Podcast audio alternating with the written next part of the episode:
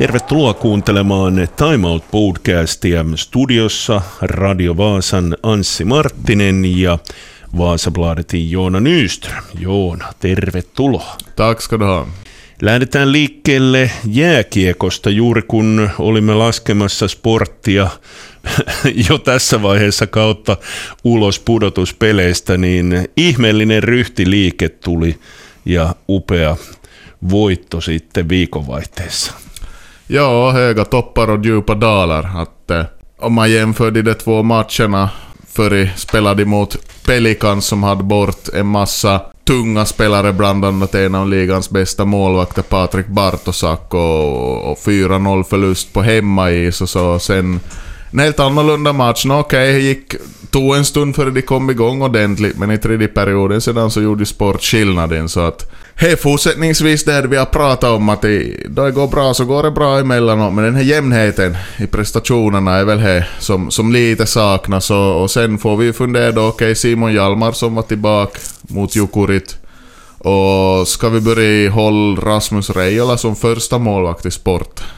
Niin, onko sportilla niin kapea materiaali, että esimerkiksi silloin kun oli Lööke pudonnut, Jalmarsson pudonnut kokoonpanosta, niin sitten ollaan heti hädässä?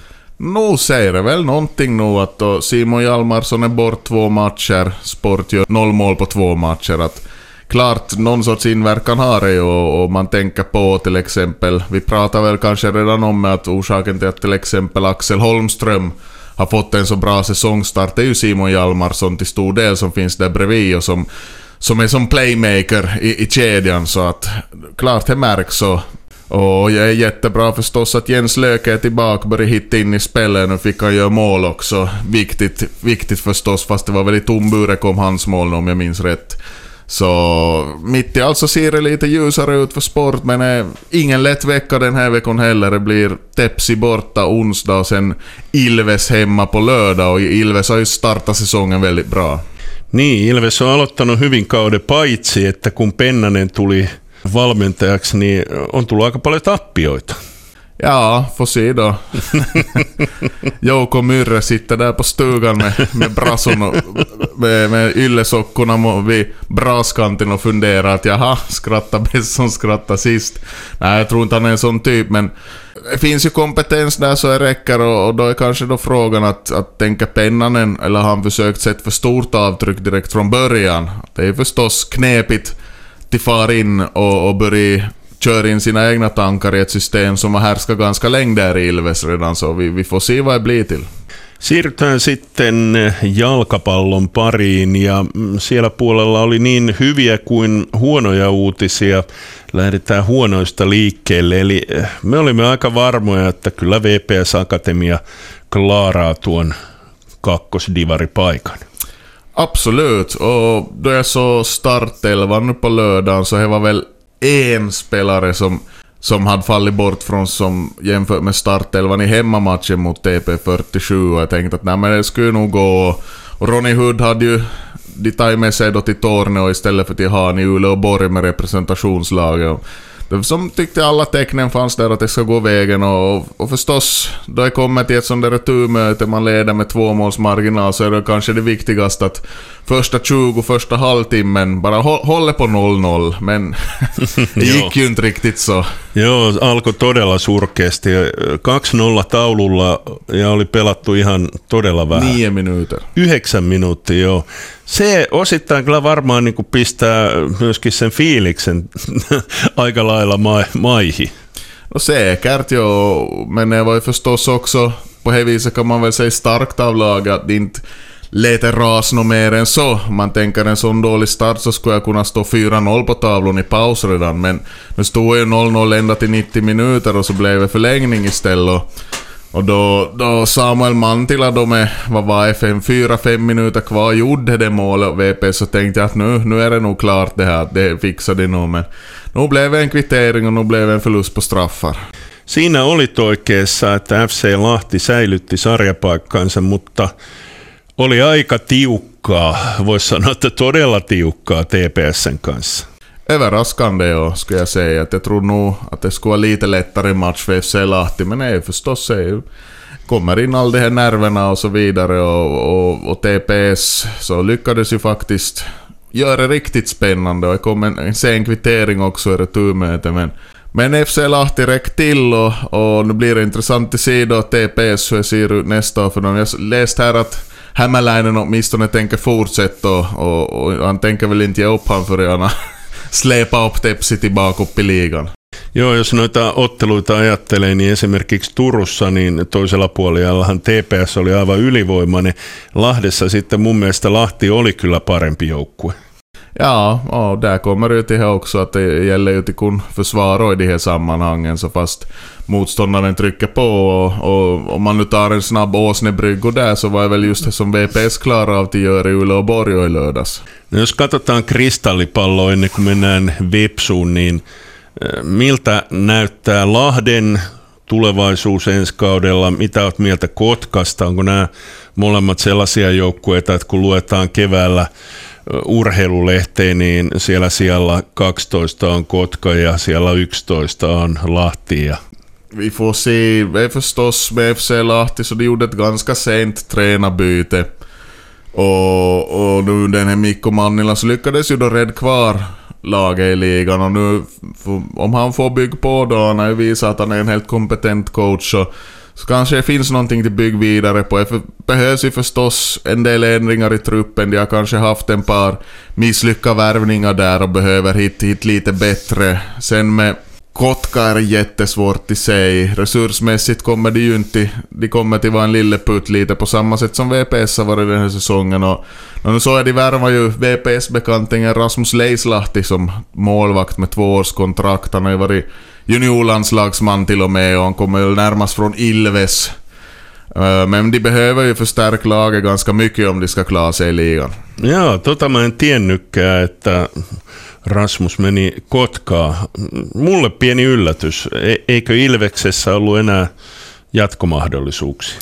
Kanske Ilves också lite behöver bygga om där. De hade en utmanande säsong och minns då VPS var där och vann nu det här i början av nedre serien så stod ju hemmasupportrarna och ropade på att tränaren behöver få sparken och sådär så att Ilves har ju, de har ju lite till fundera på, de håller ju på att bygga om Tammela stadion och de skulle behöva liksom vara på gång då, då de får spel på sin nya, nya arena där och sådär så att det, det blir jättespännande att se hur Ilves ser ut nästa säsong. Niin, jos Futis Ilves saa samanlaisen boostin päälle kuin lätkäilves, niin Tammelahan on jatkuvasti täynnä ja sitten kun tulee rahaa sisään, niin tulee parempi joukkuekin. Ja, och är ju lite förstås att det har ju varit boom i, i Tammerfors med fotbollen då Jarkko Viss var där och, och lyft dem upp, upp i toppen av ligan med, med unga spelare från regionen. Men det dippade ju lite sen då Jarkko Viss fick ju gå och, och nu ska ju han ta över FC Inte då istället. Kuuntelet Time Out podcastia. Studiossa ovat Radio Vaasan Anssi Marttinen ja Vaasabladetin Joona Nyström. Puhutaan sitten siitä tärkeimmästä asiasta, eli Vaasan palloseurasta. Tiukka vääntö, upea voitto ja jääskä jälleen ratkaisijana. Ja, ja faktiskt spännande match får konstatera att det var några bekanta som var, for upp och såg på matchen på plats och konstaterade att det var ganska kallt där på, mm. på, på Ratis stadion. Och, uh, na, no, men som vi sa, säkert sa förra veckan att det kommer att bli en jämn, tight match. Det var ju precis det blev. Och båda lagen hade nog otroliga chanser till att avgöra mycket tidigare än vad avgörande föll, men, men nu blev det Riku Jäska som fick göra det målet och, och, och det är ju jätteroligt. Keskiviikkona on sitten kotiottelu ja sunnuntaina sitten vierasottelu ja vastassa on Haka. Valmentaja Nyström, millä keinoilla Haka kaatuu? Enda liksom fördelen som, som Haka har här är ju förstås att de har vilat en vecka medan VPS har spelat två tuffa bortamatcher. Ser vi till grundserien så tog ju VPS fyra poäng mot en inbördes mot Haka så att det finns väldigt litet övertag där och man vann dessutom på bortaplan. Så jag tycker det finns fog till ända på någonting överhuvudtaget och enda, enda som vi får se nu är ju då att, att jag, jag, Jonttu Vahtera har varit lite Så det si och så, nu kämpar han jättebra 75 minuter i Uleåborg. Jeppe Engström spelade inte alls förra veckan och kunde inte träna heller, har varit sjuk. Hur ser det ut med honom? Att så det är små, eller några positioner som i startelvon som, som är lite frågetecken och det är väl det som ska vara orosmomentet då man ska måste gräva fram ett. Hakapelin näin Lemonsoftilla, silloin se olit vielä muistaakseni Elisa.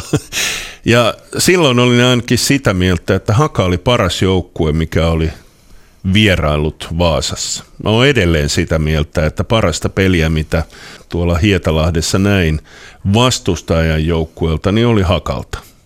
Ja, jag tycker det, Teemu Taine har fått ihop ett väldigt charmigt lag. De, de spelar aktiv, anfallsglad fotboll, de har bra, bra spelare framåt och, och, och ligans bästa målskytt Lee Irving där på topp.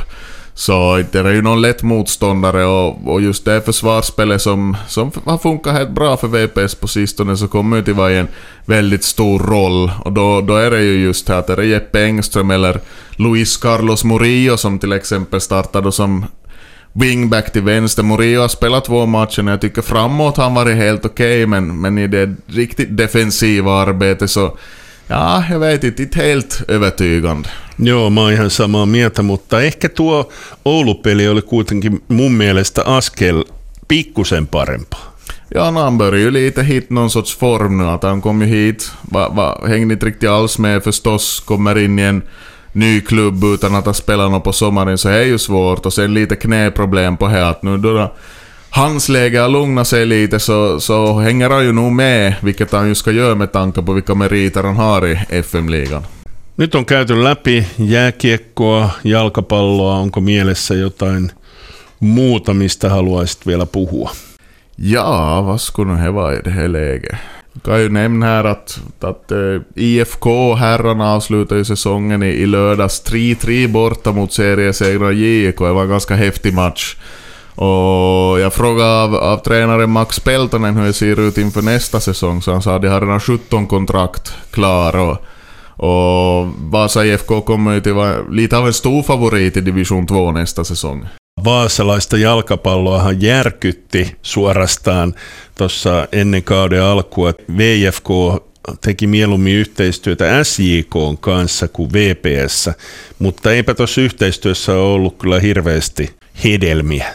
Nej, jag har nog inte utmynnat just någonting. Att om jag förstår rätt så har två spelare från senare i något skede av säsongen och varit och tränat fram och tillbaka i Vasa, men ingen desto mer än det.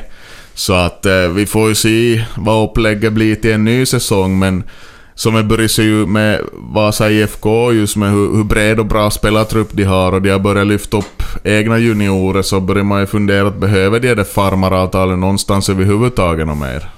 Tässä oli tämänkertainen Time Out Podcast. Joona Nyström ja Anssi Marttinen ovat olleet studiossa. Joona, kiitoksia. Takko hei.